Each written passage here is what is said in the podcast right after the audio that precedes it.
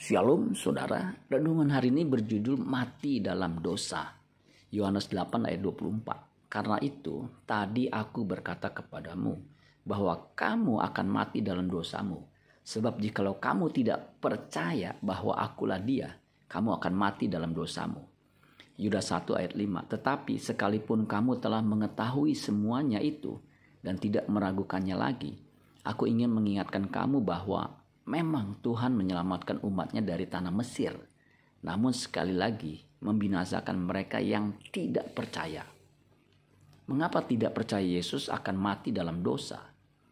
Mereka yang tidak percaya kepada Kristus tidak akan mendapat pengampunan dosa. Yohanes 8 ayat 24. Itu sebabnya aku berkata kepada kalian bahwa kalian akan mati tanpa pengampunan atas dosa-dosa kalian Ya, seperti itulah yang akan terjadi kepada kalian kalau kalian tidak percaya bahwa akulah dia yang kalian nanti-nantikan. Mereka ini akan dihukum selama-lamanya dalam api kekal di neraka.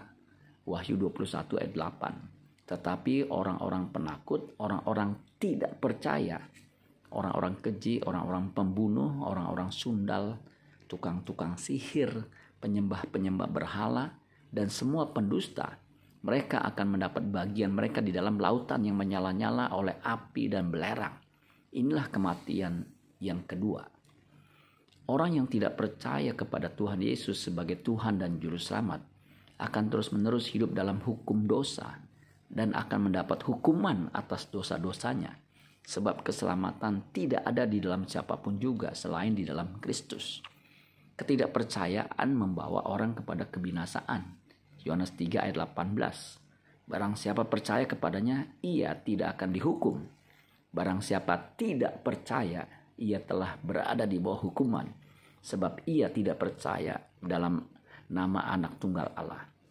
Kesempatan untuk bisa percaya kepada Yesus hanya waktu kita hidup di bumi.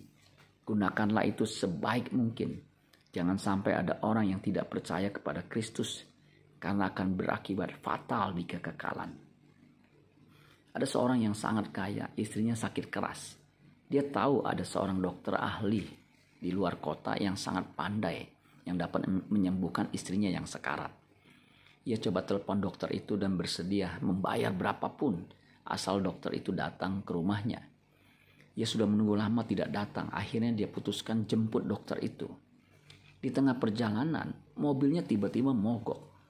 Ia menunggu mobil lain yang bisa dia pakai. Tiba-tiba ada mobil yang mendekat. Ia paksa supir itu keluar karena ia mau pakai mobil itu. Si pengendara mobil itu tidak memberikannya karena ada urusan darurat. Dengan emosi, si orang kaya mengeluarkan pistolnya dan menembak orang itu. Cepat-cepat dia pakai mobil itu. Sesampai di rumah dokter, ia hanya menjumpai istri sang dokter karena suaminya sudah pergi. Ketika istri dokter itu melihat mobil yang dipakai orang kaya itu, dia sangat terkejut Ternyata itu mobil suaminya yang tewas dibunuh orang kaya itu. Orang yang tidak percaya bahwa Kristus adalah Tuhan dan Juru Selamat sebenarnya sama saja membunuh dokter di atas segala dokter yang dapat menyelamatkan dirinya. Markus 2 ayat 17, Yesus mendengarnya dan berkata kepada mereka, Bukan orang sehat yang memerlukan tabib, tetapi orang sakit. Aku datang bukan untuk memanggil orang benar, melainkan orang berdosa. Amin buat firman Tuhan. Tuhan Yesus memberkati. Sola Gracia.